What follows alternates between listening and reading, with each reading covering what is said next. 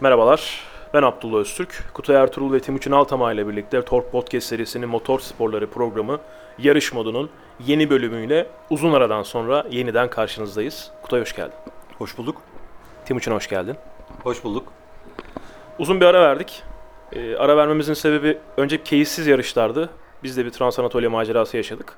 Ee, sonra bir anda Formula 1 keyifli yarışlar olmasına karar verdi. Ve kendi aramızda dedik ki özellikle Monza'dan sonra acaba biz bir kayıt yapsak mı? Ee, sonra Mugello... Sonra yapmadık. Sonra yapmadık.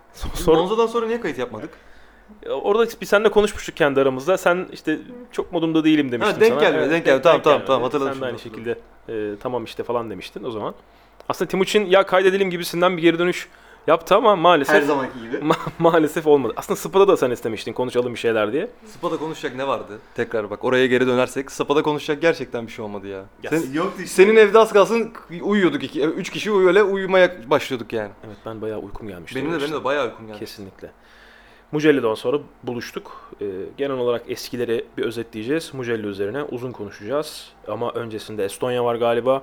Kutay Estonya üzerine bir yarım saat konuşmak istiyor. Vereceğim geldi benim. O zaman Estonya ile başlayalım. Ee, Estonya ile mi başlıyoruz, Ayhancan'la mı başlıyoruz? Ayhancan'a sen birkaç cümle yap. Konuş. Ee, öncelikle Ayhancan'ın e, Süper Cup şampiyonası sona erdi. Ayhancan şampiyonayı üçüncü olarak bitirdi. Ee, biz ondan hep tabii ki daha iyilerini istiyoruz ama e, bence yine de büyük bir başarı kaz- yap- e, yaşadı. Ee, biraz daha şanslı olabileceği yarışlar vardı. Daha iyi performans gösterebileceği yarışlar vardı ki o kendisi söylüyor bunu. Ee, şampiyonluk da gelebilirdi ama üçüncü olmak öyle bir seride hiç kötü bir sonuç değil. Şampiyonada iki yarış kazandı. Kendisini tebrik ediyoruz o konuda. Yani iki yarış kazanıp sezonu üçüncü bitirebilen nadir kişilerden birisi olabilir belki. Ee, güzel, başarılı bir sezonu bence. Kısa sezondu çünkü zaten. Yani bayağı bir kısa sezondu. O normalde e, 4 yarış, 5 yarış daha fazla olabilecekken işte atıyorum geçtiğimiz yıl 2019'da Meksika'da yapılan iki yarışla bitti mesela. Hani şampiyona daha globalde. Sadece Avrupa'da işte 7 yarışta, 8 yarışta falan bitirdiler e, sezonu. Şimdi Fransa şampiyonası başladı. Ya da başladı mı yoksa o Başladı. dahil mi oldu? Başladı. Başladı, Onu başladı. bilmiyorum çünkü ilk yarışta kazandı. Zaten özellikle o yüzden yaptılar. Yani e, Porsche Süper Cup'ı bitirdiler. Galiba onun bir de Almanya'sı var. E, zaten Olur galiba. Galiba değil var. Evet. E, hani bu sene şu anda var mı? E, onu o açıdan galiba Ha. şu anda var mı? Hani normalde Doğru. var da. E, Ayhan Can hatta bu sezon pandemi yokken e, Ayhan Can'la konuşurken, yazışırken e, diyordu ki yani Almanya mı Fransa mı karar vermedim henüz diyordu. E, Almanya'daki takım, Almanya'da onunla birlikte yarışması için ona teklif eden takım diyormuş ki e, biz hep Formula 1 yarışından önceki hafta yapacağız. Ona sürekli senin antrenmanın olur bak bu çok iyi ol- olur diyor. Beni kandırmaya çalışıyorlar iyi yönde, iyi manada diyordu.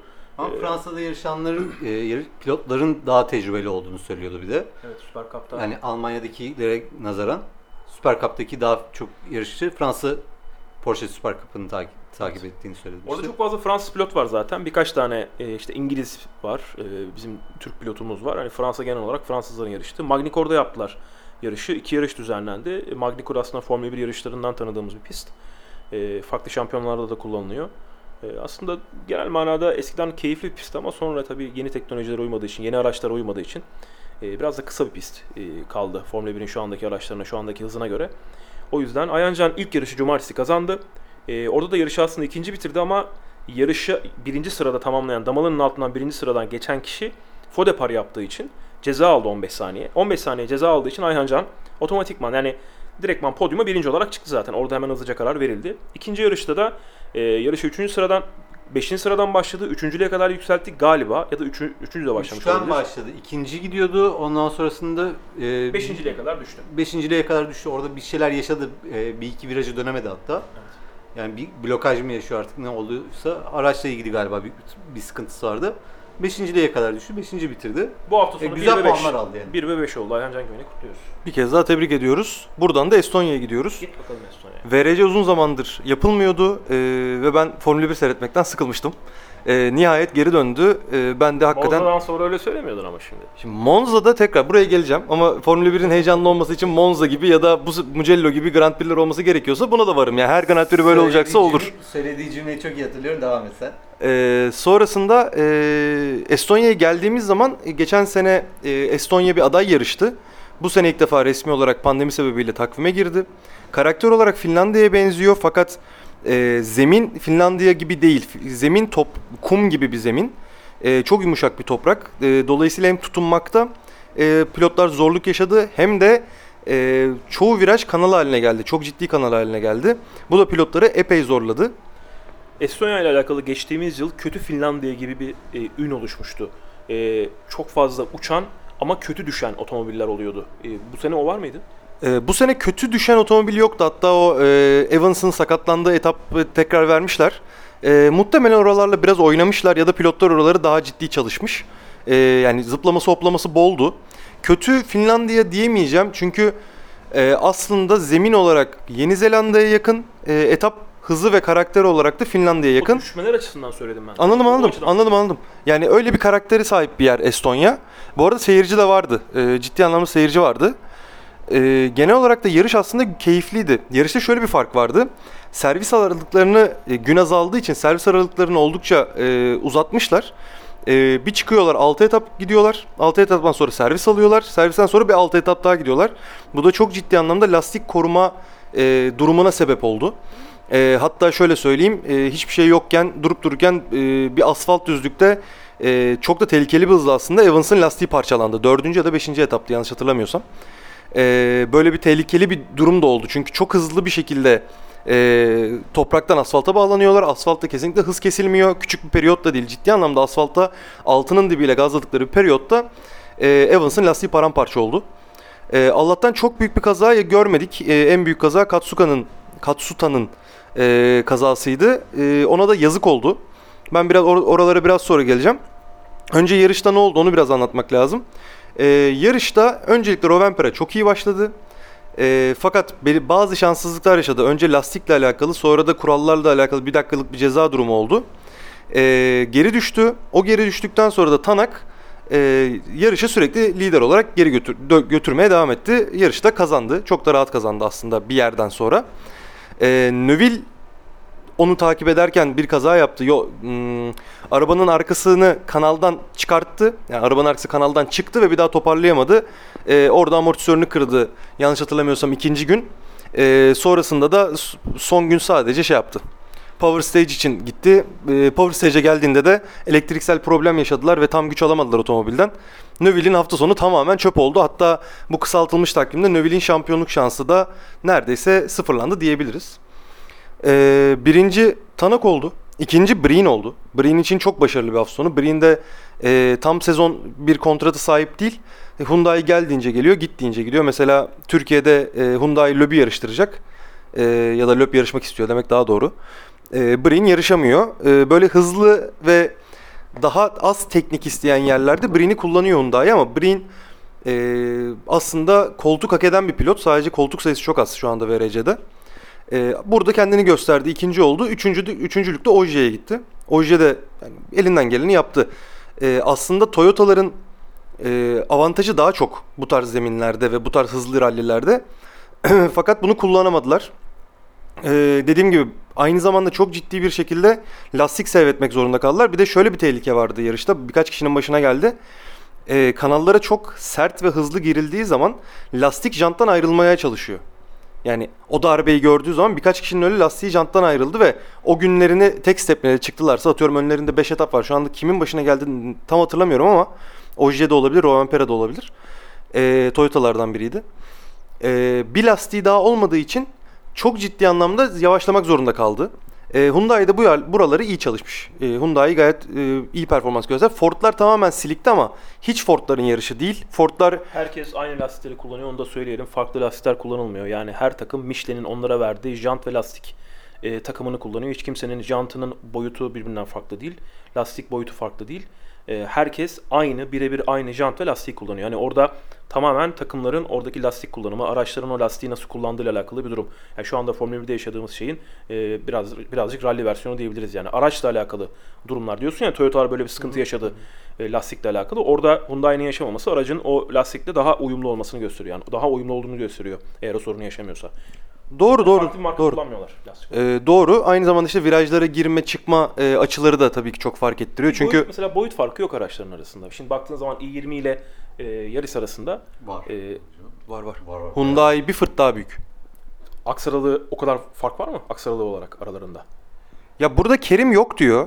Ben olduğunu düşünüyorum ama hiç araştırıp Ben bakmadım. aksaralıkları farkı olmadığını düşünüyorum. Hatta onunla alakalı da bir şey okumuştum ben. Ee, bu Ama kütlesel bir fark var yani. kütlesel fark var orada daha büyük net bir şekilde. Ben orada önemsediğim şey lastiği ilgilendiren şey aksaralığı. Ee, o lastiği, e, lastiğin performansını ya da kullanımını değiştirir. Aksaralı olarak ben kuralsal anlamda da özellikle mutlaka onun bir standardı vardır. Ee, çok fazla uzun ya da çok fazla kısa olabileceğini düşünmüyorum. Hani aralarında 10 santim bile ben bir fark olabileceğini düşünmüyorum. VRC'de kullandıkları otomobiller arasında. Hani i20 ile yarış arasında sokaktaki araç olarak 30 santim de olabilir, 20 santim. Öyle bir fark yok da tabii ki. Sallıyorum, atıyorum şu anda. E ama VRC olarak orada bir standartizasyon, standartizasyon var ya abi. Bence aksaralıkları birbirine çok yakın. Orada Hyundai demek ki bu lastiği iyi kullanıyorsa ya Hyundai söylediğin gibi dersine çok iyi çalışmış demektir. Bir de Toyota bu kadar büyük para harcıyorken, tamam Hyundai de çok büyük para harcıyor ama hani mesela bu konuda nasıl çuvallıyorsun? Yani buna hazırlanmak gerekmiyor mu? Şimdi Estonya'da bu kanalın olduğunu bilmiyor muyuz zaten? Ee, bu, Buna ka- hazırlanmak bu gerekmiyor kadar mu ciddi yarışta? kanal olacağını düşünmemiş olabilirler. Çünkü şöyle bir şey var. Türkiye'de Olacak aynı şey. Ee, ama orada ben şöyle Türkiye daha taşlık ve bizde kanal daha e, geniş kanallar oluyor. Orası çok dar, e, çok dar demeyeyim. Çok Rally yumuşak. oluyor diyorsun Estonya. Evet. Yani böyle gerçekten motocross pisti gibi olan yerler vardı. Böyle araba giriyor, böyle bir yere bankete çarpıyor. Çok az izledim çünkü. Toprak fışkırıyor diğer tarafa. O banket onu tutuyor. Yolun içindeki o kanal onu tutuyor. Oradan gazlayarak devam ediyor. Tamam bu lastik problemini peki Ford'lar yaşadı mı? Ford'lar e, problem yaşayacak kadar hızlı gitmediler. yani gidemiyorlar. Yani ne Suninen ne Lappi e, ne de hani Gus Greensmith'in öyle bir şu anda gidebilitesi yok ama Green Smith'in kazasını gördüm ve bunu seninle konuştuk. Ya gerçekten Kerime sana birine araba verelim kullansın. Ya Gus Greensmith İngiliz. İngiliz olduğu için şu anda ona fırsat tanıyorlar. E, bence hak eden hak eden bir performans göstermedi şu ana kadar. Bu sene de bence son senesi olur. Ya bak çok Eğer çok ciddi bir parası yoksa Bizim bilmiyorum. Yağız Avcı mı? Gus Green Smith mi, Smith mi desen gerçekten Yağız Avcı. E, Bak Ya- gerçekten. Yağız'a o imkanlar verirse bence de Yağız daha hızlı gider. Yani abi Gus Green Smith kadar gerçekten kabiliyetsiz bir adama o aracı veriyorlar. Yani dün e, F1 ile alakalı bir yorum yaptım ona binlerce yorum yani binlerce gelmedi ama 60-70 tane bunu, niye bunlara kabiliyetsiz diyorsunuz gibi bir durum oldu. E, çok fazla muhabbeti döndük. Hakikaten kabiliyetsiz adamlar. Craig Breen'le de alakalı aklıma gelmişken söyleyeceğim. Eğer Estonya yani bir VRC yarışında o adam ikinci oluyorsa hakikaten VRC bitmiştir. Hani Eto bitmiş muhabbeti var ya VRC bitmiş demektir. Hani o yerde demek ki çok fazla işi e, ciddiye almamış mı diyeyim. Yani gerçi lastiği falan problem yaşadı diyorsun ama. Oje, sü- Oje sürekli ben lastik kollamak zorunda kalıyorum. Ben lastik kollamak zorunda. Hamilton'ın rally versiyonu e, birazcık Oje. Craig Breen'in bir yerde podyuma çıkıyorsa o yarış boş bir yarıştır. O yarışta hiçbir şey olmamış demektir. Kimse gazlayamamış. Geri kalan herkes problem yaşamış demektir. Çünkü ben e, üniversite yıllarındaydım. Craig Breen diye bir çocuk gelecek. Yani benim o dönem evlensem çocuğum olurdu, çocuğum olurdu şimdi üniversite sınavına girecek olan Craig Breen gelecek. Ya hakikaten artık gel ya, ya gel Yok yok o şey gibi oldu. Yani e, ben hep yıldızlı hesaplıyorum ya 4-5 yıldız, 4.5 yıldız, 4 yıldız. Craig 4, Breen 4 değil bence bak. Craig Breen 4 yıldız. Yani mevcutlar içinde 4 yıldız. Mevcut değil. Ben yetenek olarak kıyaslıyorum. Şu anda biz rally tarihindekileri konuşmuyor muyuz? Rally tarihinde Sebastian 4 Loeb'e yıldız değil tabii ki canım. Sebastian Loeb'e 5 yıldız veriyorsak eğer. E Craig Breen'e nasıl 4 vereceğiz? Craig Yok yok veremem. orada 3 üç 3 yani. 3 3 Üç 3. yani. Ama şu anda olmadığı için ve podyum yapabilen bir Şu pilot andakiler olduğu için arasında 4 biliyorsun sen Craig Breen'e. evet. E, o Tana ne diyeceğiz abi? O 5. Ama aralarında çok büyük fark var. Buçuk da veriyorum. Bir yıldız mı fark var aralarında? veriyorum. Beş Üç çeyrek, üç çeyrek de var mı? Beş buçuk. Yani Bence e, aralarında çok büyük fark. ama benim için bir, o bir yıldızı aşaması zaten zor bir Peki, aşama. Rovanpera mı Craig Breen mi? Rovan Perez canım. Rovanpera kaç yıldız? O şu an 4.5 yıldız. Ve Craig Breen To 4 be, yıldız to be 5. Kesinlikle hayır.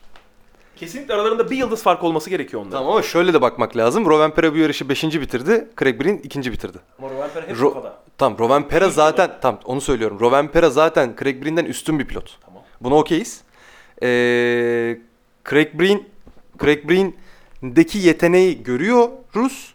Fakat o yeteneği çoğu zaman kullanamıyor çünkü e, aday ülkesinden gelen her pilot gibi buna Colin McRae de dahil çok fazla kaza yapıyor. 3 dakikadır Craig Breen konuşuyoruz. Çok bile konuştuk. Bence de yani niye bu Craig Breen bu kadar konuştuk onu da bilmiyorum. Ee, genel olarak güzel bir rally oldu. Ee, heyecanlı bir rally oldu. Ee, Sana şu anda rally olsun da hani genel olarak o moddaydın sen. Bir rally olsun da ben izleyeyim modundaydın. O yüzden Estonya o kadar iyi mi oldu hakikaten ya? Estonya keyifliydi. Hakikaten keyifliydi. Yani şöyle Finlandiya'nın e, farklı zeminlisini izlemek ve o zemindeki e, atraksiyonu görmek güzeldi. Mesela Katsuka Genel olarak izleyenler de böyle mi baktılar olaya? İyi miydi izleyenler içinde? Hmm, çok iyi bir rally diyemem ama iyi bir rally derim. İyiydi diyorum zaten. Çok iyiydi demiyorum ki. İyiydi diyorum. Hani çok iyiydi derim o ayrı. Tamam. Ee, bir de e, yan aktörlere gideyim. Ee, Katsuta kendine geliyor. Öğre- ku- kullanmayı öğreniyor. Çok iyi takla atıyor. Kazası çok büyük şanssızlık. Yani zemini o kadar ölçemedi ki bir anda arkası geldi ve gitti ve hani 3 takla attı. Çok da Formula 1'de Yamamoto vardı hatırlıyor musun? Yamamoto Ha, Katsu- Tsubasa'da vardı. Katsuta işte. Hani anlatabiliyor muyum? Gerçekten Japon olduğu için yarıştırılan bir adam. Ee, Japon olduğu için yarıştırılıyor. Bu doğru. Ee, ama bir yani kendini göstermeye başladı. Bir ona şans vermek lazım. Geçen sene tamamen öğrendi. Bu sene ne yapar bilmiyorum. Ee, bir de Fransızlarda Lübe e, normalde VRC 2 pilotuydu. On, Hyundai de on- ona geçen senenin VRC'sini verdi. Ee, ilk yarışı, ilk VRC yarışı ve geçen senenin VRC'si olmasına rağmen iyi zamanları var. Belki e, oradan da yeni bir yetenek doğuyor olabilir. Hani ilk yarış olduğu için bir şey diyemem. Bir de Estonya tam bir rally değil. Ee, biraz daha dediğim gibi hızlı bir yarış. Ee, Türkiye'ye girecek mi bilmiyorum. Orada daha bir net görürüz. Ee, buradan da Türkiye rallisine gelelim. Ee, bu hafta sonu rally koşulacak. Biz şu anda bu yayını 14.09.2020'de kaydediyoruz. Hani sonra dinlersiniz rally varmış falan dersiniz. Hani bilin ki bundan bir hafta sonra. E, rally ile ilgili e, çok fazla soru var dendi bana. E, Sayın Genel Yayın Yönetmenimiz Ab- Abdullah'tan. Varsa öyle bir net bir soru ben onu alayım. E, elimden gelince cevaplayayım. Sonra Şimdi- üzerine biraz konuşalım. Genel Türkiye rallisinin karakterini sen bize bir söyle. Ben de genel olarak onların şu an yani rallide ne olacak? Seyirciler gelecek mi gelmeyecek mi onu söyleyelim. Sen önce bir karakteristiği nasıl? Türkiye'nin. Türkiye'nin özelliği ne takvimde? Onu bize bir söyle. Türkiye rall- rallisinin takvimdeki özelliği kırıcı, sert ve görece yavaş e, bir ralli olması. Öncelikle genelde bizim rallimiz çok sıcak bir havada yapılıyor Marmaris'te olmasından dolayı. E, zemin genelde kayalık. Gerçi birazcık daha temizlendiği söyleniyor bu sene ama hani görmek lazım. E, Yine graderler sokmuşlar ama. Yani evet. o, o bir toprak galiba yine bir atılmış ufaktan. Yine bir grader sokulmuş. Ee, yine geçen seneye... Ne kadarına yapıldı? Bilmiyorum. Ya bir de düz ne kadar düzlersen düzle abi verecek kürediği zaman orayı paramparça ediyor. Yani dolayısıyla yine çok kırıcı bir ralli seyredeceğiz. Lakin VRC takımları artık Türkiye'yi tanıdıkları için Türkiye'ye özel parçalar bile geliştirdiler. Ee, bu sebeple ilk sene yaşadıkları kadar problem geçen sene yaşamadılar. Bu sene yaşarlar mı? Ee, tabii ki mümkün çünkü Türkiye rallisi her zaman e, şans faktörünün diğer rallilerden daha çok olması gereken bir ralli. Çünkü bir kaya gelir, e, lastik ona yanlış açıyla oturduğu anda e, ralliyi bitirir, süspansiyonu kırar, e, taşıyıcıyı kırar, bir şeyi kırar. E, o yüzden şans faktörü her zaman önemli. E, ama takvimdeki yeri otomobillerin ve pilotların dayanıklılığının sınandığı ralli diyebiliriz. Anladım. Türkiye rallisinde seyirci özel etabı yok. Ee, normalde etapların içerisine e, Marmaris merkezden organize edilen servislerle götürülen, insanların götürüldüğü özel seyirci noktaları, oluyordu. Bunlar yok. Sadece Perşembe günü bir e, seremonik start olacak Marmaris merkezde. E, orada insanlar yine pilotlara yaklaştırılmayacaklar. Servis alanına giriş yasak. Bu da önemli. Bunu insanların bilmesi gerekiyor. Yani herhangi bir şekilde pilotlarla, araçlarla e, fotoğraf çektirmeniz pek mümkün olamayacak. Startta da araçlara çok yaklaştırılacağınızı, stopta da araçlara çok yaklaştırılacağınızı eğer giderseniz düşünmüyoruz.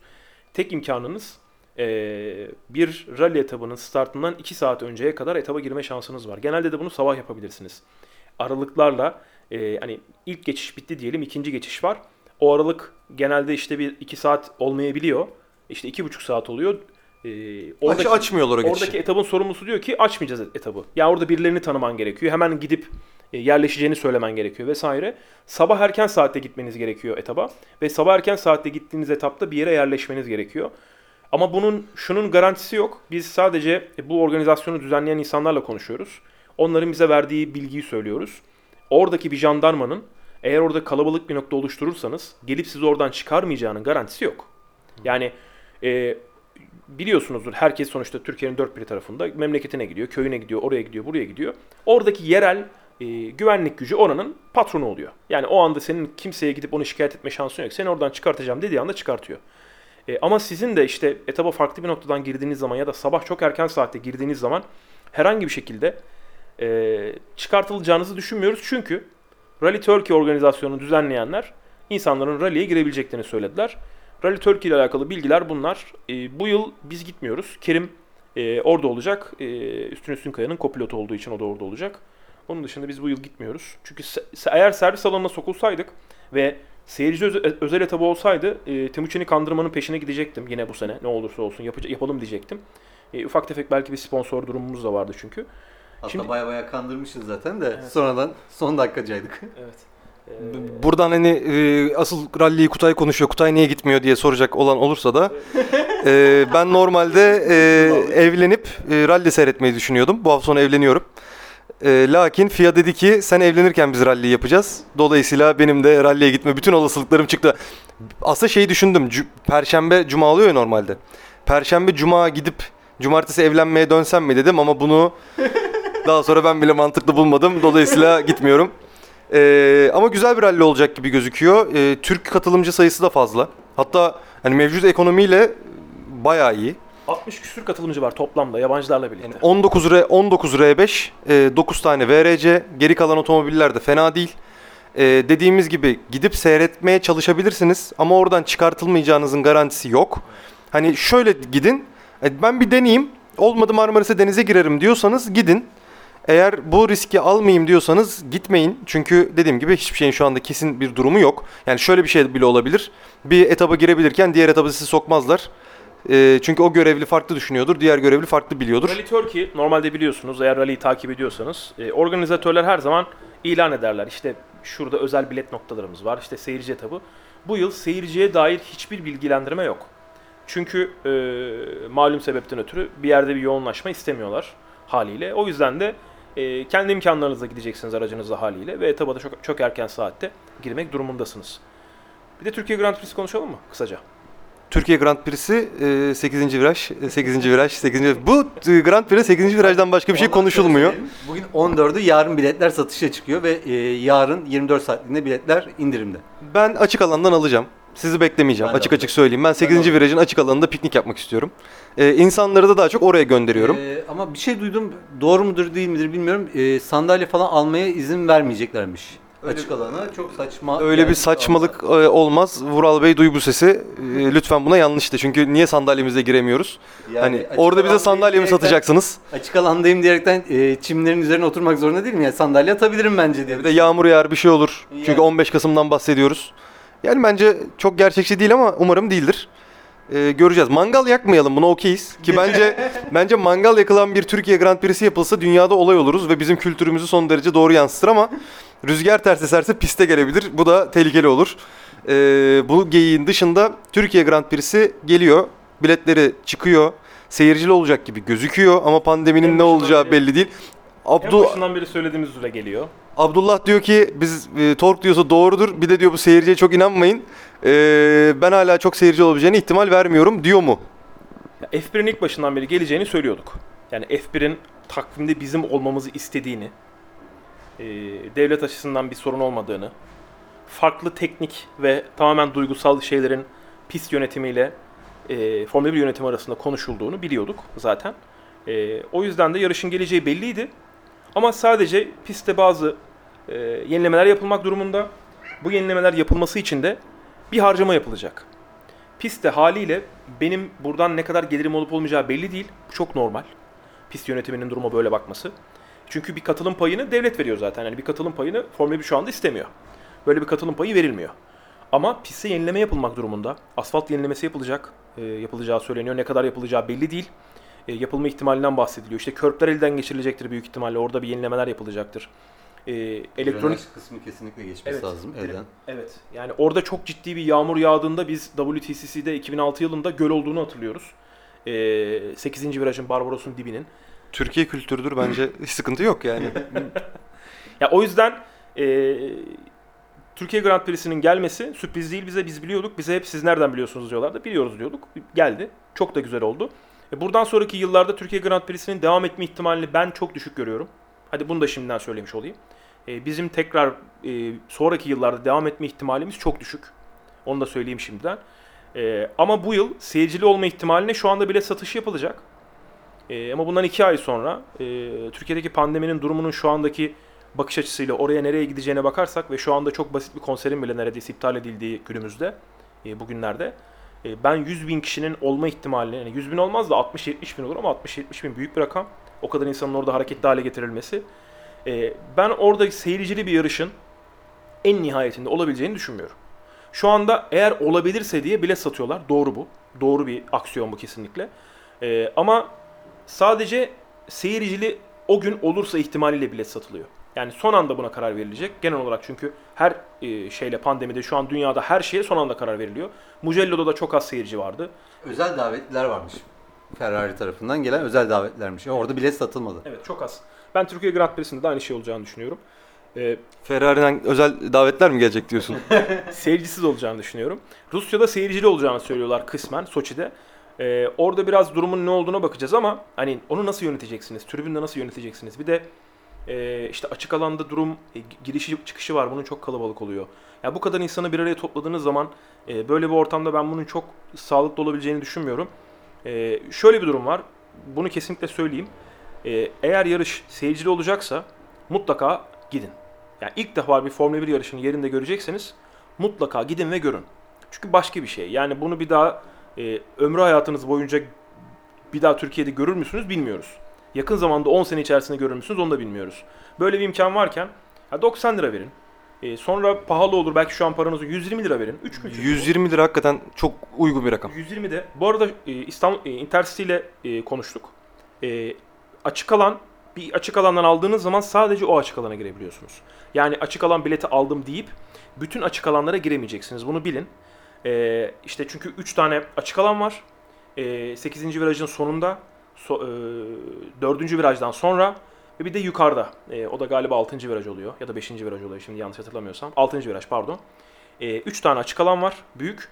E, hangisinden alırsanız oraya giriyorsunuz. Bunun da gerekçesi olarak pandemiyi söylediler. E, Belli miktar hep bütün açık alanları bile satacaklar. Evet.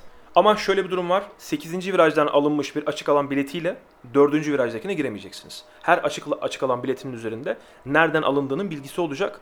E, geçtiğimiz yıllarda açık alan bileti aldığınızda hepsine girebiliyordunuz. Tabii Ee, gezebiliyordunuz. gezebiliyordunuz açık alanları. Bu güzel bir şeydi. Yani farklı farklı yerlerden görüyordunuz. İşte antrenmanda gidiyordunuz oradan nasıl görünüyor. İşte sıralama turunda buradan nasıl görünüyor. Ee, pistte bir sürü ekran kuracaklar. Ee, pist içerisinde sürekli anonslar yapılacak, yarış anlatılacak, antrenmanlar, sıralamalar anlatılacak. Ee, o yüzden bu ekranlardan da yarışı izleyebileceksiniz. Açık alanların önünde de, tribünlerin önünde de ekranlar olacak. Ee, ama Formula 1'in en kötü izlendiği yer yarışın olduğu yerdir. Pistte en kötü orada izlenir. Yani yarışı izlemek mantığıyla gitmeyin. Gidecekleri için söylüyorum. Bu şeyi yani dünyada e, daha üst düzey motorsporlar organizasyonu yok. Bunu yerinde görme şansınız olacak. Bütçeniz neye el veriyorsa mutlaka mutlaka mutlaka gidin. Eğer Formula 1 seviyorsanız ya da merak ediyorsanız. Anonslar nasıl yapılıyor tam olarak? Böyle Hamilton birinciliğe geçti. Hamilton birinciliğe Yarışı geçti. anlatan birisi oluyor. Yok yok biliyorum. Yarış- Şaka, yarış- dalga geçeyim dedim birazcık. Emre- Ama- Emre Ama şöyle söyleyeyim. O sesi duymanız biraz zor. Yalan değil. Hani imkanınız varsa kendi kulaklığınızı alın ve telefonunuzdan aynı zamanda Serhan Acar üzerinden Valla ben izleyin. mesela ben VRC'yi bu sefer Yarışı Seren Acar anlatmayacak. Okay Karnan Bilmiyorum kim anlatacağını da Büyük yarışı, odur. yarışı Seren Acar, Seren Acar anlatmayacak. Ertem Şener anlatsa ya be. anlatmayacak demeyelim de anlatamayacak diyelim. Burada şöyle bir durum var. Ee, Seren Acar'ın e, katıldığı bir canlı yayında, bu yılın başında katıldığı bir canlı yayında net bir şekilde e, Türkiye Grand Prix'si gelirse e, kesinlikle görev almayacağına dair bir söylemi vardı. E, buradaki söylem e, İstanbul Park'ta çalışıp çalışmamakla alakalı bir şeydi ama anladığım kadarıyla özellikle şu anda Otomobil Sporları Federasyonu'nun içi boş. Yani Otomobil Sporları'nın federasyonun içerisinde e, çok az insan kaldı. Genelde iş bilmez insanlar var Otomobil Sporları Federasyonu'nun içerisinde. Serhan Acar'ın şu an oraya gelmesi müthiş bir şey oldu. Burada başkanı Eren Üçler Toplağı'nı gerçekten çok e, tebrik ediyorum. Yani biz onu kendi aramızda da Kerim'le de çok konuştuk. Sizle çok konuşmadık ama Kerim'le konuştuk. Yani Kerim gönderdi bana. Yani müthiş bir şey bu dedi. Yani Eren müthiş bir iş yapmış dedi başkan dedi. Ben de dedim ki hakikaten Translatory'deydik o sırada. Evet yani hakikaten dedim Eren, Eren Üçler toprağına helal olsun. Yani Serhan Acar'ı ikna etmek şu anda e, kariyeri var. Yani hem kendi mesleği anlamında Çocuğu var, ailesi var, Evet. kariyeri var. Evet yani hayır e, Çok zor bir kariyer kararı aynı zamanda. TOSFED'e ihtiyacı yani şey anlamında iş anlamında TOSFED'e ihtiyacı olan bir adamdan bahsetmiyoruz onu söylüyorum. E, Esport'ta spikerlik yapıyor. E, ben globalde de izlediğim için hani e, Sky'da anlatan adamdan geri kalır yanı yok. Serhan çok iyi anlatıyor. Ve e, Türkiye'de bugüne kadar en iyi motor sporları anlatmış olan adam. Açık ara benim için. E, çok iyi anlatıyor. işini çok iyi yapıyor. E, diğer tarafta da işte çalıştığı şirkette de iyiydi. Sonra oradan ayrıldı işte e, bir şekilde. E, Özel an- sebeplerle benim anladığım. Evet evet. Ve şu anda TOSFET onu ikna etti e, genel sekreter olması için. Seren Acar'ın genel sekreter olması Türkiye'de motor sporları adına 2011'den verilmiş sonra verilmiş en güzel karar. Yani 2010'dan 2011'den sonra verilmiş en güzel karar. Oradan sonra verilmiş en güzel karar Serhan Acar'ın veri, şey Serkan Yazıcı'nın vereceği getirmesiydi. O en önemli karardı. Başka hiçbir şey yapılmıyor çünkü Türkiye'de zaten motorsporlar anlamında. Burada da Eren Üçler toprağına gerçekten tebrik ediyorum. Çünkü federasyonda başka hiç kimse yok. Yani iş yapabilecek, iş görebilecek hiç kimse yok. Serhan Acar e, o konuda gerçekten kitap gibidir. Yani e, yarış o dönem çalıştığı dönemde e, rally'nin hazırlık kitapçığı vardır. Onu hazırlardı. Formula 1 ile ara- alakalı bütün iletişimi o sağlardı. Bütün homologasyonları o yapıyordu. Evet. Bütün teknik her şeyi o hazırlardı. O yazardı. Kendisi bir, bi- bizzat yazardı. Yani globalden o belgeleri alıyor. Başkaları bunu nasıl yazıyor? Onu Türkiye'deki bizim kendi iç dinamiklerimizi uygulayıp kuralları teker teker yeniden yazıyordu. Seren Acar'ı tebrik ediyoruz. Eren Üçler, Eren Üçler toprağına ve Tosfet'te bu konuda emeği geçenleri başkanın emeği geçti. Başkan ikna etmiş belli ki. Tebrik ediyoruz. E, Tosfet'le alakalı iyi bir karar oldu. Bir tebrikte şey gelmesi lazım Formula 1'e tam olarak geçmeden. Ee, bugün e, Türkiye kopilotlarından, Türk kopilotlardan Aras Dinçer'in bir paylaşımının altında gördüm. Petlas. Petlas e, toprak lastiği biz uzun zamandır bekliyorduk. Onunla niye beklediğimizi şöyle e, çok kısa özetleyeyim. E, bir 4 çeker otomobil Türkiye Rally Şampiyonası'nda aşağı yukarı 8-12 lastik arasında lastik tüketimi yapıyor. E, bir 2 çeker otomobilde minimumlarda gidildiği zaman 6 ile 10 arasında lastik tüketimi yapıyor. E, lastiğin tanesi Pirelli ya da Michelin e, ortalama söyleyeceğim. Bunlar en, en yüksek ama en iyi dediğimiz iki marka. E, 380 euro ile 450 euro hatta Evo lastikleri daha da yüksek diye e, en son duydum. Güncel kurla baktığımız zaman e, Türkiye'de birisi rally yapmak isterse ya da pist şampiyonasına yarışmak isterse en ciddi masraf kalemi lastik. Petlas e, nasıl bir fiyat politikası uygulayacak bilmiyorum. E, ama hani TL bazında üretim en yaptı. kötü ihtimalle yarı fiyatıdır ya. Tabii tabii. En En, kötü kötü ihtimal. ihtimalle yarı fiyatı olduğunu düşündüğümüzde e, insanları tekrardan motor sporlarına rahat yapabilme. Çünkü lastik patlatma, lastik koruma da ciddi bir e, dert oluyor özellikle ulusal şampiyonalarda. En büyük dert o. En büyük dert en büyük dert o. Yani şöyle bir örnek verelim en azından. Biz Kerim'le e, rally yaptığımız yıllarda e, genel olarak hep eski lassalardan taktık. Ucuzdu. E, tutmaz ama patlamaz lastiklerdi ama tabii ki performanstan çok ödün verdiriyordu. Hatta yanı balon yapmış lastikle çok ciddi etap geçmişliğimiz var. E, daha sonra e, takım direktörümüz Adil Küçüksarı e, dedi ki hadi siz bu yarışta da bunları takın dedi. Bize Pirelli verdi. E, Eskişehir rallisi. Biz inanamadık o lastiğin performansına ki eski Pirellilerden bahsediyoruz. Yani Burada en iyi en iyi rally lastiği hangi markada? ee, yani Michelin'de mi? Michelin asfalt toprak Pirelli diyorlar ama hani ikisini de onlar gibi test etmediğim için bir şey demem çok zor. Söylenen açısından söylüyorum. Söylenen bu. Yani Petlas'ın onların kalitesine ulaşması başka bir şey. Bu başka Ba- bir şey ya. başka O bir şey. Ama Petlas'ın ulusal şampiyonaya Türkiye'ye ve yakın pazarlara e, ucuz ve kullanılabilir lastik sağlayabilecek noktaya gelmiş olması gerçekten büyük bir başarı. E, bence biraz geç kalındı ama en azından güç olmadı. Nihayet oldu. Umarız e, seri üretime de yakın zamanda geçer ve Türkiye Rally Şampiyonası'nda ya da Türkiye Tosvet e, Rally Kupası'nda daha amatörlerde her e, seviyede Petlas görmeye başlarız. Petlas F16 lastiği üretiyor. O yüzden Petlas için rally lastiği üretmek teknolojik anlamda iş değil. Petlas o işi biraz daha worldwide düşünüyor. Ee, ilk günden beri böyle yaklaşıyorlar. Sen de biliyorsun. Ee, çok ciddi anlamda pist, e, pistte mesela çok ciddi anlamda test yaptılar. Ee, nasıl bir ekonomik fizibiliteleri var ya da nasıl bir pazar arayışları var onu bilmiyorum ama hani ben şunu biliyorum ki ucuz ve çok iyi olmayan bir lastik bile çok ciddi anlamda satar. Ee, en azından artık e, girişimler ya da sözler dışında lastiğin canlı kanlısını gördük. Ee, Aras e, ilk denemesini beğenmiş. Ama hani bilemeyiz tabii ki. Birazcık görmemiz gerekiyor. Çok da zorlu bir ralliye giriyor lastik ilk rallisinde. Ee, ömrü bahtı açık olsun. Petlas'ı tebrik ediyoruz. Onlar hem e, önceki yıllarda Fiat Egea'nın Türkiye çapında yaptığı bir organizasyon vardı. Tosfet'le birlikte Yıldız'ını arıyor diye. Orada verdikleri lastik desteği vardı. Şimdi bir e, rally lastiği ürettiler. Yani Petlas'ın şu anda yaptığı şey çok kıymetli. Bir defa bunu yapmak zorunda değil ya bu adamlar. O çok önemli benim için. Adam bunu yapmak zorunda değil. Bunu yapmak zorunda olmamasına rağmen buradan bir para kazanmak peşine düşmek düşmesi ma- mantıksız olur. Ee, diğer markalar bunu prestij anlamında yapıyorlar. İşte Michelin bunu prestij anlamında yapıyor ya da Pirelli bunu prestij anlamında yapıyor. Ee, Bridgestone ünlü arttırmak için Formula 1'e girdiği yıllarca. Ee, burada da Petlas para kazanmak için girmiyor buraya. ikna edildi ve bunu yaptılar. Bu emeği verdiler. O yüzden ben Petlas'ı kutluyorum. Ee, ellerine sağlık yani.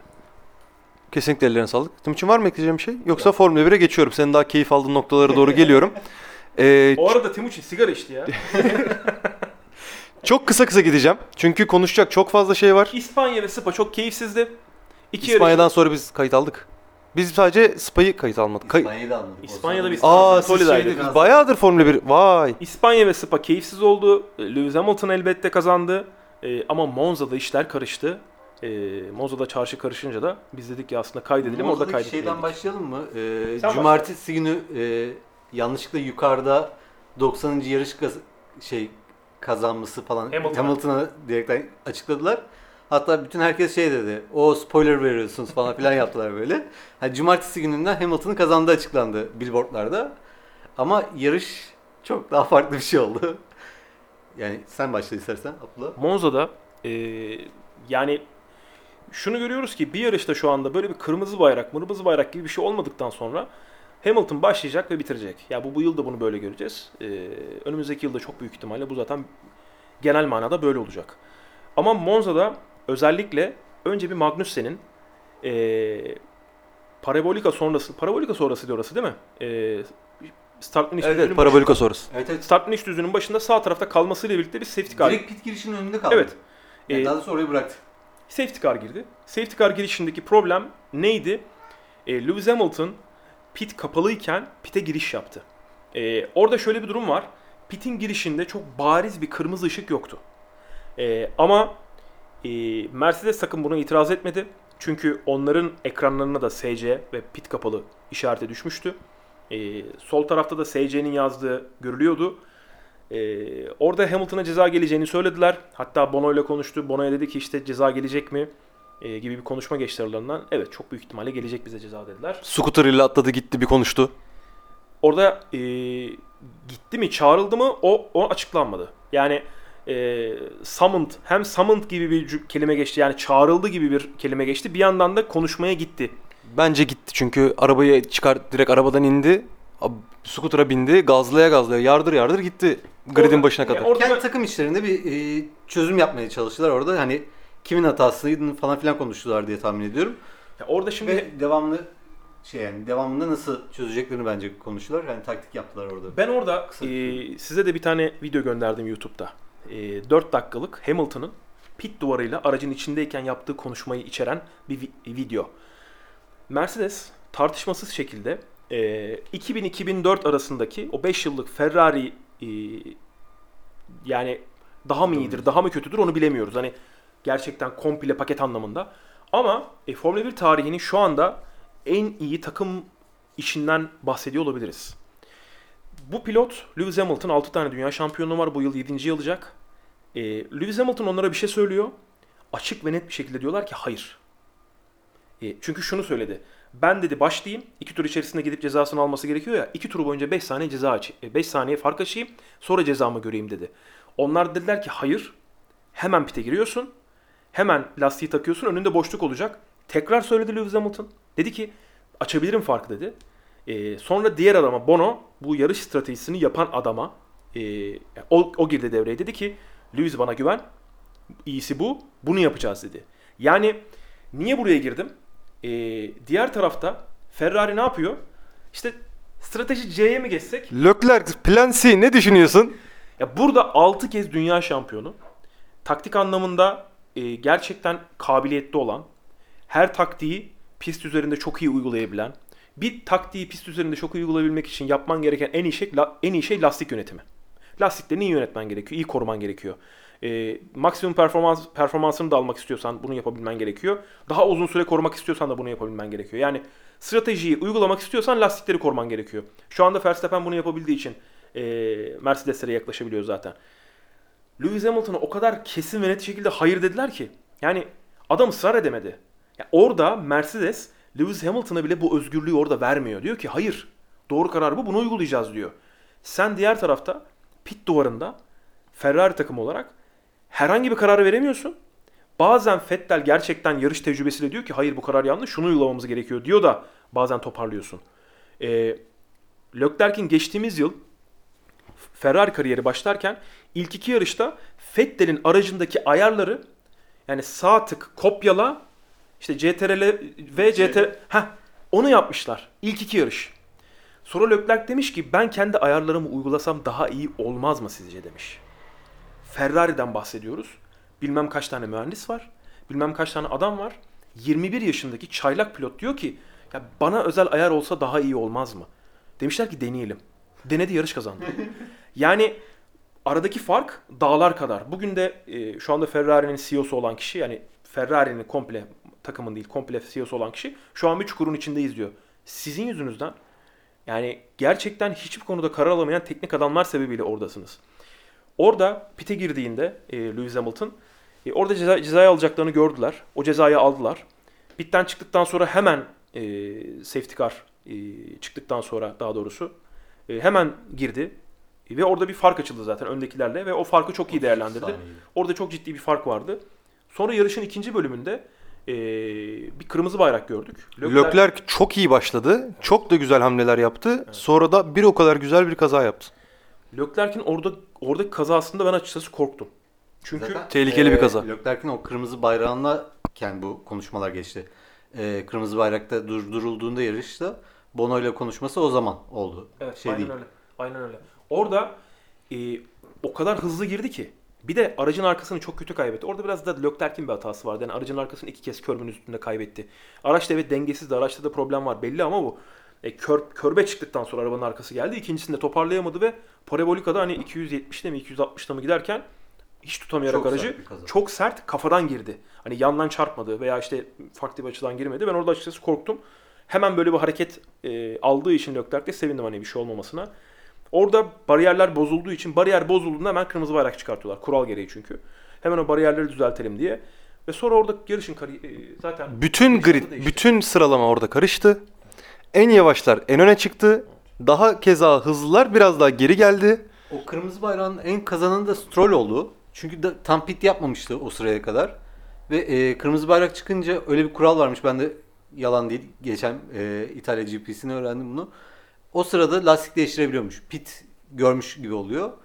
Yani Stroll oradan en karlı çıkan oldu. Ve e, o yarışı da kazanan zaten Gazze oldu. Evet. Yani Gazi'nin kazanması e, tek seferlik bir olay olduğu için aslında çok çok büyük bir olay değil. Ama tabii ki küçük bir takımın e, başarı elde etmesi ve farklı bir kazanan olması e, bizi mutlu ediyor. E, Gazi'yi de objektif olarak baktığımız zaman kariyerinde çok fazla e, yüksekler ve düşüklükler var. Up and downs demeyeyim dedim. E, ama demiş oldum. E, ben Gazi'yi aslında birazcık da sempatik buluyorum. Hani hırslı bir çocuk, istekli bir çocuk. O belli.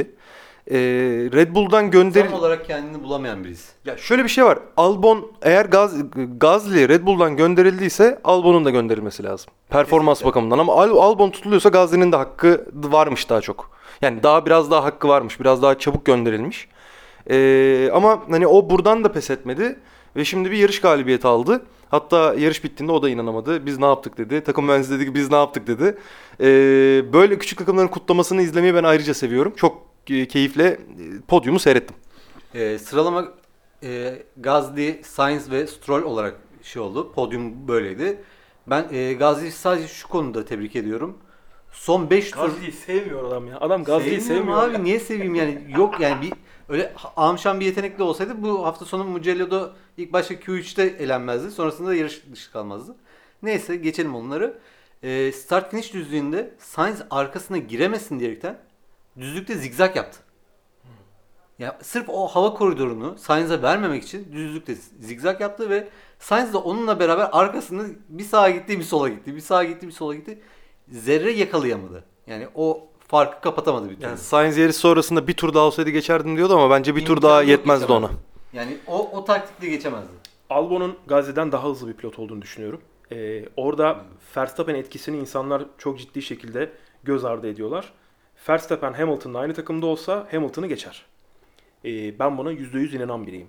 Çünkü Verstappen e, şu anda kariyerinin en hızlı dönemine girmek üzere. Ee, böyle bir 5-6 yıllık bir dönem yaşayacak. En pik noktası. Orada iyi bir araç verirlerse 5 şampiyonluk arka arkaya gelir onda. Yani o, o 2022 kurallarıyla bunu görebiliriz. E, Verstappen öyle bir adam ki gerçekten aracın maksimumunun üzerine çıkabiliyor. Yani hem bunu bunu lastik yönetimini de başararak yapabiliyor. Pit duvarına da hayır ben bunu böyle yapacağım diyerek kendi kurallarını dikte ettirerek de yaptırıyor. Aracı da çok iyi anlıyor. Aracı çok iyi okuyor. Bunları bir arada başarabilmek bu yaşta kolay bir şey değil. Ee, orada bence geçtiğimiz yıl Gasly çok kötüydü. Ya önceki yıl geçti, Gasly çok kötüydü. Ee, ve değiştirmeden önce de sezon ortasında gitti çünkü Gasly. Kötüydü gerçekten Gasly'nin performansı. kesinlikle yani kötü. Albon'la kıyaslanmaz. Albon e, Interlagos'ta e, podyum görecekti. Keza aynı şekilde A1 de bu sezonun başında A1 Ring'de Red Bull Ring'de de podyum görecekti. İki tane e, Hamilton, Hamilton kazası var. E, şimdi onları görmüyoruz. Sonra Albon e, belki kendisi performans anlamında düşmüş olabilir. Ama ben kesinlikle Gasly'den daha iyi bir pilot olduğunu düşünüyorum. Bence Gasly'den kesinlikle daha hızlı bir pilot. E, Formula 1 yönetiminin şöyle bir tarzı var. Bu çok normal, çok doğal. E, bir pilot başarı kazandığında ya da kendini gösterecek bir şey yaptığında onu parlatmayı seviyorlar. Kendi ürünlerini parlatıyorlar çünkü. Bu çok doğal ve çok normal bir şey. Ama e, Gazli öyle parlatılacak, e, şöyle ya da böyle çok fazla üstüne gidilecek bir pilot değil. Birincisi Fransız.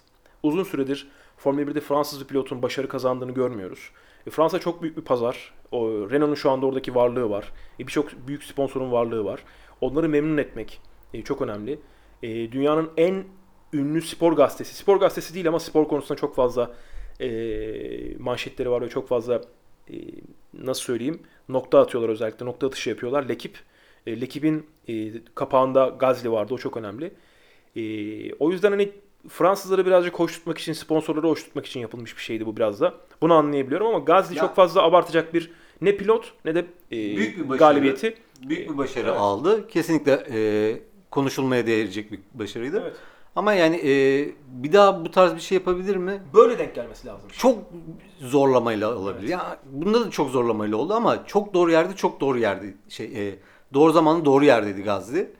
Şansının yaver gitti. Kendisinin son 10 e, safety car'dan sonrasındaki attığı turlar çok iyiydi. Yani şey kırmızı bayraktan sonra attığı turlar çok iyiydi.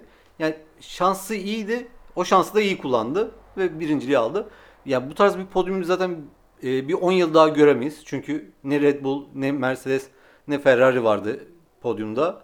McLaren, e, Racing Point ve Alfa. Tauri ile bir podyum yaşadık. Çok zor görürüz. Yani o yüzden zevkli bir hafta sonuydu o. Evet. Monza Monza'yı da bitirdik. Monza'yı da bayağı bitirdik. Hatta Monza şey dediler, Monza mı dediler yoksa bir önceki e, Almanya Grand Prix'si mi? Almanya Grand Prix'si çok daha bence keyifliydi. Yağmur yağan, e, Mercedes takımının kendi işte özel eski kıyafetlerini giydiği bir yarış vardı. Çok güzel bir Çok şov olaylı oldu. bir yarıştı.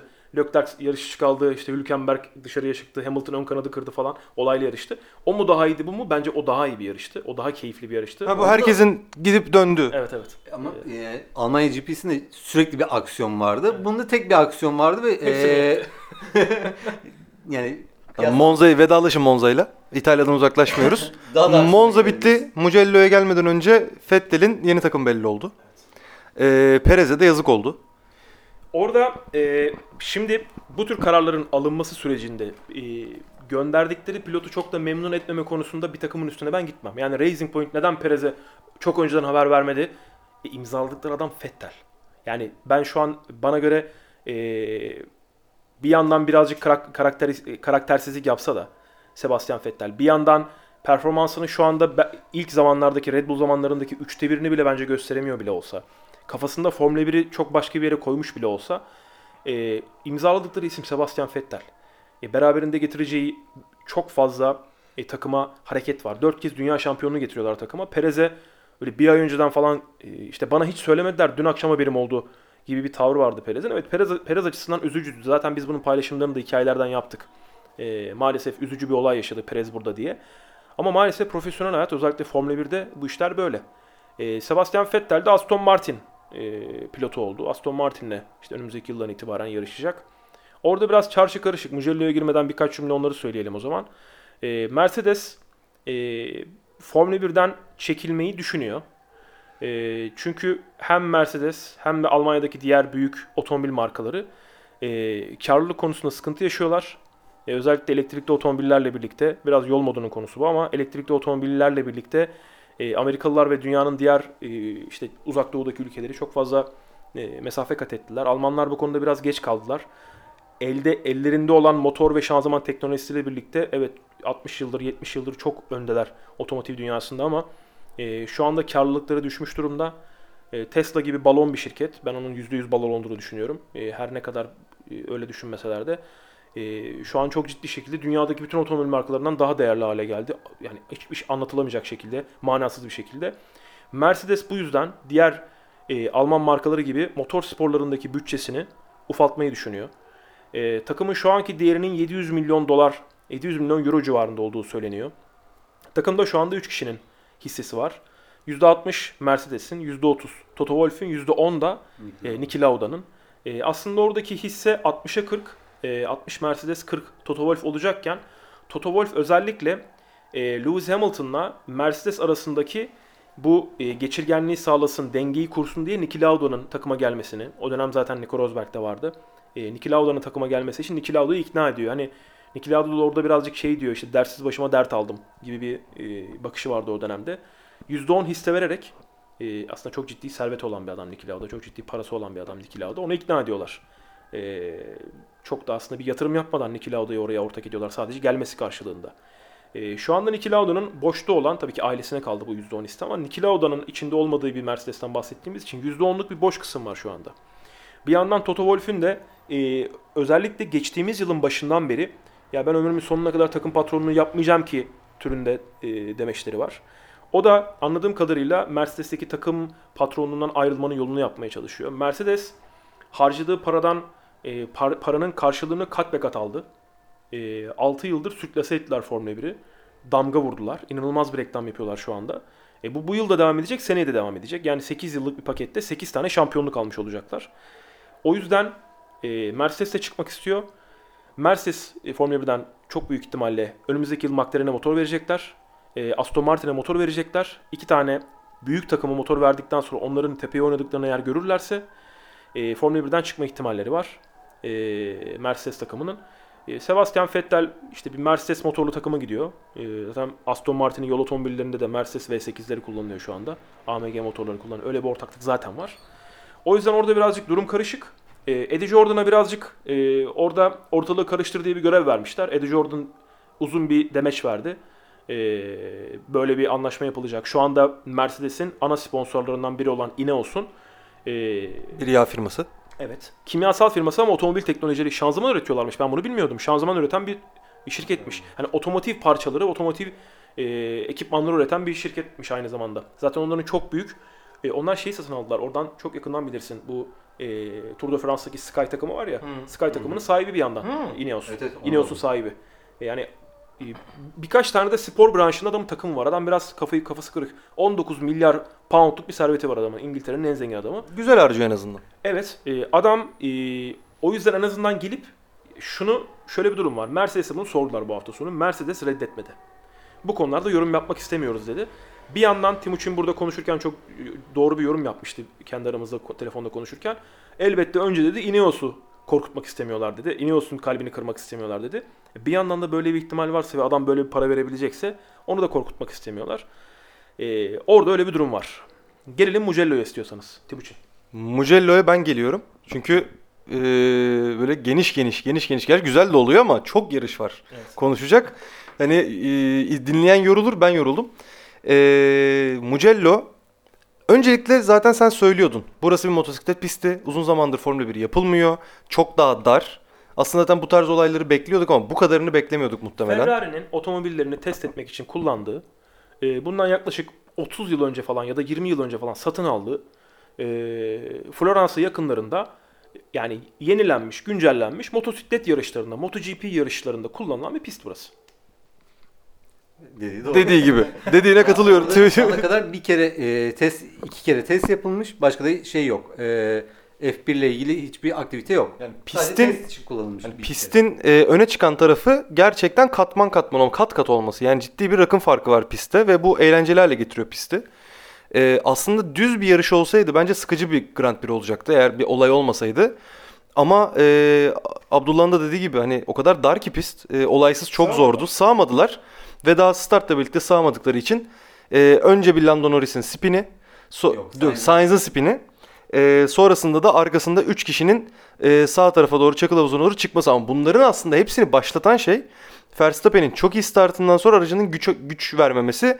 Güç vermemesinden dolayı tam ortada yavaş yavaş geriye çekilirken herkes etrafında ve ikili ikili çıkmışlar ona baktım. Yani fermuar gibi açtı Evet, böyle evet, evet. herkes etrafından ve ikinci viraja da üçüncü viraja girerken ikisine birlikte dört araç yan yana girmeye çalışmışlar. Yani zaten olmayacak bir şey olmuş. İstanbul Park'taki birinci viraj biraz kurtarıyor onu. O da böyle bir genişleyip daraldığı için. Onun dışında bir bu kadar genişlikte dört aracı birden döndürebilecek genişlikte bir pistte ben açıkçası bilmiyorum.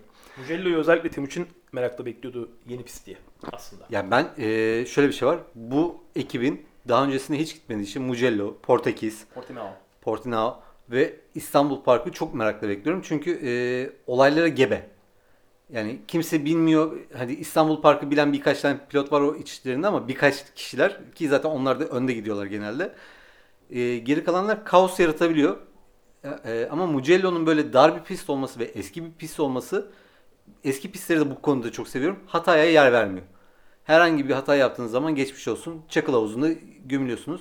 Yeni pistlerden o yüzden çok fazla zevk almıyorum. Çok bir de e, izlerken onu fark ettim.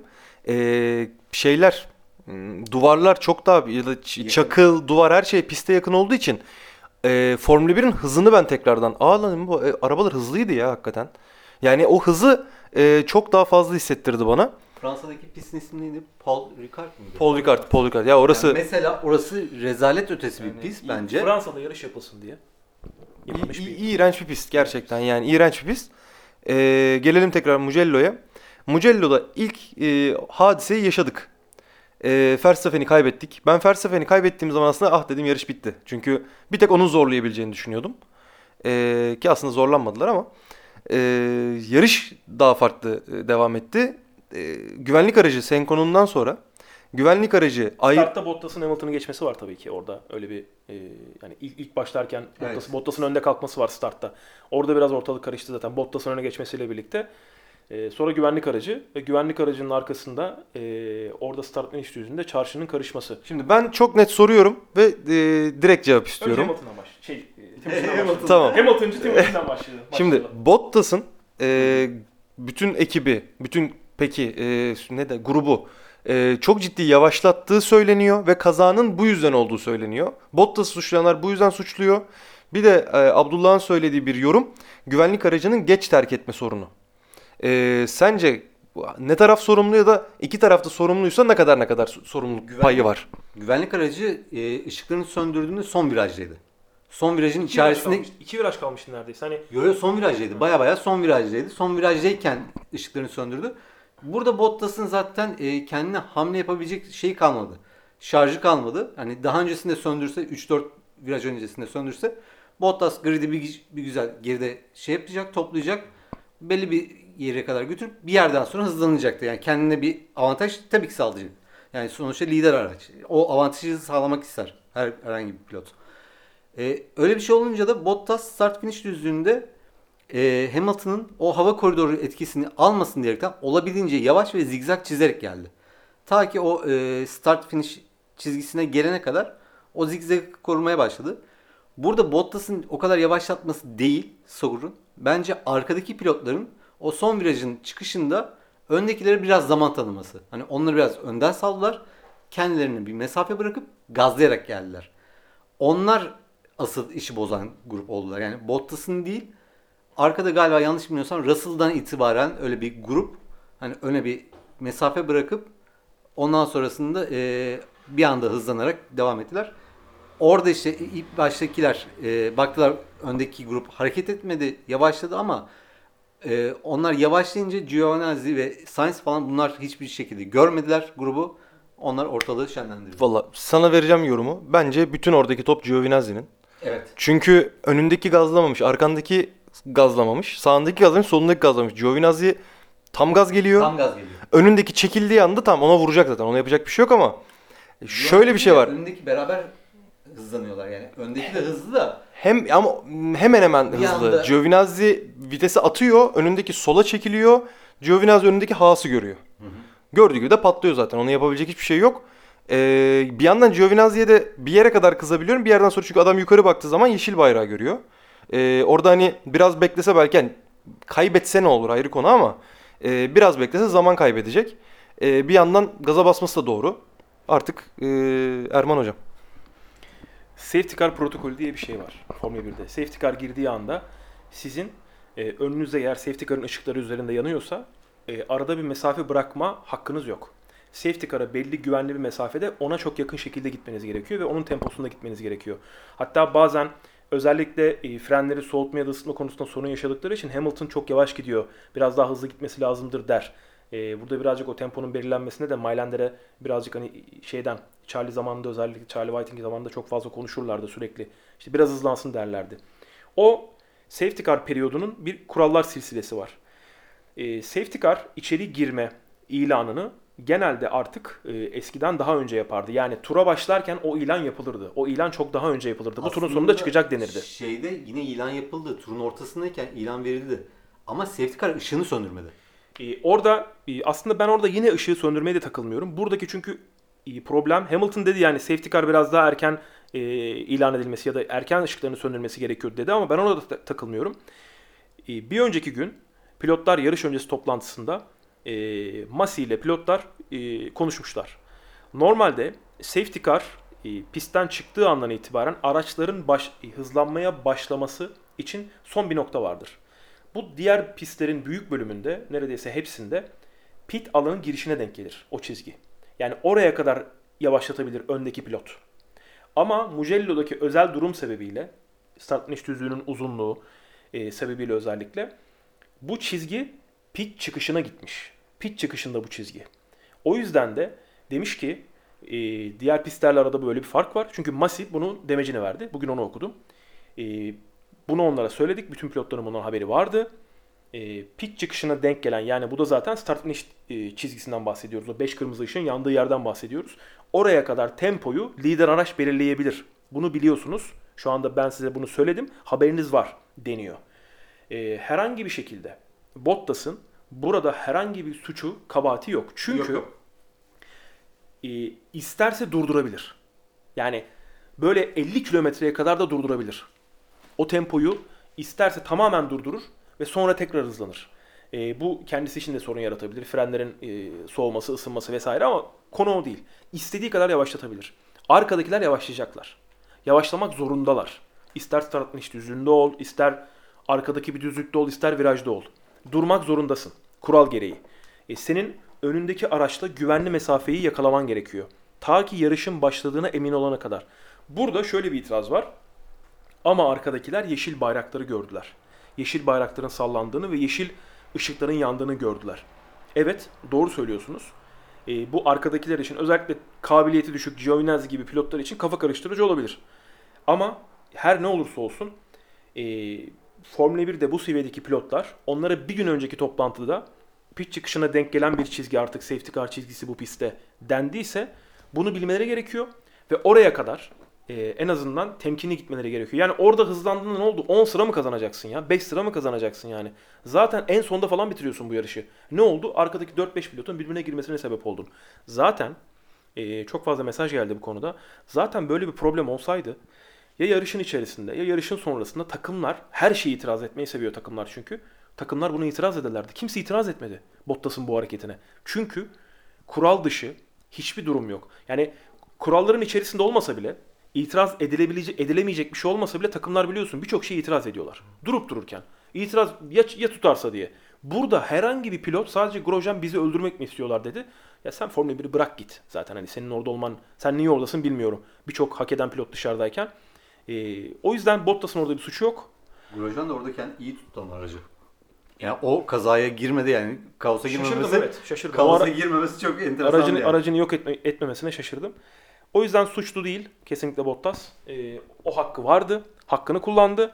Arkadakiler maalesef ee, bir karambolün içerisinde kaldılar. Sainz'da da yazık oldu. Arkadakilerin hepsine yazık oldu. Ve maalesef öyle bir kaza yaşandı. Sonrasında yarış tekrar temposunu buldu. Devam ediyor. Sıralamaya girmeyeceğim. Ee, bence pistin en olur noktalarından birinde oldu o kaza. Baş daha yakın duvarların e, daha yakın olduğu bir yerde olsa ciddi hasar alabilirdi Stroll. E, lastiği patladı. Hiç Stroll'lük bir durum yok. Evet. Ve çok ciddi bir süratle sola doğru uçtu. 22, 20 kişi, 20 kişi falan yazdı. Ben dedim ki kontrolünü kaybetti ama lastiği patladı falan diye mesaj geldi bize bir sürü. Evet lastiği patladı ama hani kontrolünü kaybetmiş oluyor sonuçta. Kontrolünü kaybedip yarış dışı kaldı. Ee, çok da ciddi bir kaza yaptı ve bariyerler bozulduğu için tekrardan bir kırmızı bayrak. Kırmızı bayrak sonrası e, start. E, startta Hamilton tüte tüte geldi. Yani e, ben hatta orada ya dedim ki bir sorun olacak herhalde bu otomobilde yarış devamında. Olmadı. Yine olmadı. E, ama hani oradan sonrasında çok anlatılacak bir şey benim hatırladığım en azından yok. Ricardo ikinciliğe yükseldi. Ricciardo Yani Ric- Ricciardo ikinciliğe yükseldi ama düşeceği çok belliydi. Ben hep söylüyorum. Yani, podyum, üçüncüye podyum, düş- podyum gelmeyecekti. Ben onu çok net gördüm Ben yani. biraz podyuma e, tutunmuştum. Ama Özellikle ne- safety Daha yetmez, daha yetmez. Renault'un performansı yükselmiş bak buna sevin. Yükseldi. İyiler. E, yükseldi ama yıllardır bekliyoruz yani. 2006, 2020, 14 sene oldu. Seneye geliyor Alonso geliyor Alpine oluyor takım. Alpin oluyor, takım Alpin Alpin oluyor. oluyor. Alpin zaten gazıyla biz başlıyor muyuz beyler gazı vardır ya bizde. Yani aynı mod. Alpin gazıyla devam ederiz. Bir de Alpin severim ben o Alpin'i. Hani ralliden ralliden daha çok severim gerçi. Bakalım Formula 1'de nasıl olacak ama. Velhasıl kelam bence e, Mercedeslerin podyumları dışında Albon'un nihayet üçüncülük alması ve e, çok ciddi seviyede kariyeri düşüşe geçmişken tık durdurdu o düşüşü ve tekrardan ben buradayım dedi. Orada yine katılmıyorum. Geçtiğimiz yıl Interlagos'ta Hamilton gelip arkadan çarpmasaydı podyuma çıkacaktı. Birinci değil. Evet. Ee, bu sezon e, eğer Yok şanssızlıklardan dolayı düştü zaten bunu kabul ediyorum. sezon eğer Red Bull'da yine gelip e, Hamilton ona çarpmasaydı yine podyuma çıkacaktı. Çocuğun iki tane podyumunu zaten Hamilton elinden aldı. Maalesef. Hamilton birinci gidince sıkıntı olmadı. Bir de karting zamanlarında bunun Denk geldi. kupasını Hamilton'ın vermiş olduğu video var ya yani böyle Albon kesinlikle hızlı pilot. Kesinlikle hızlı pilot. Dezavantajı Verstappen. Yani Verstappen'in yanına kimi koysanız Leclerc'i koysanız şu anda Leclerc bile Verstappen'i geçemez. Şu anda geçemez. Yani e, o yüzden Albon'a haksızlık etmeyelim. Kesinlikle e, Alex Albon Gasly'den daha hızlı bir pilot, daha iyi bir pilot. Yani hiçbir şekilde aynı takımda olsalar Gasly ile Gasly hiçbir yarış onu geçemez. Kesinlikle ihtimal vermiyorum. yani bir yorumum yok. Çünkü hani e, Fransızları sevmiyorum, Gasly'yi de sevmiyorum o yüzden. Ya tamam ona lafım yok yani.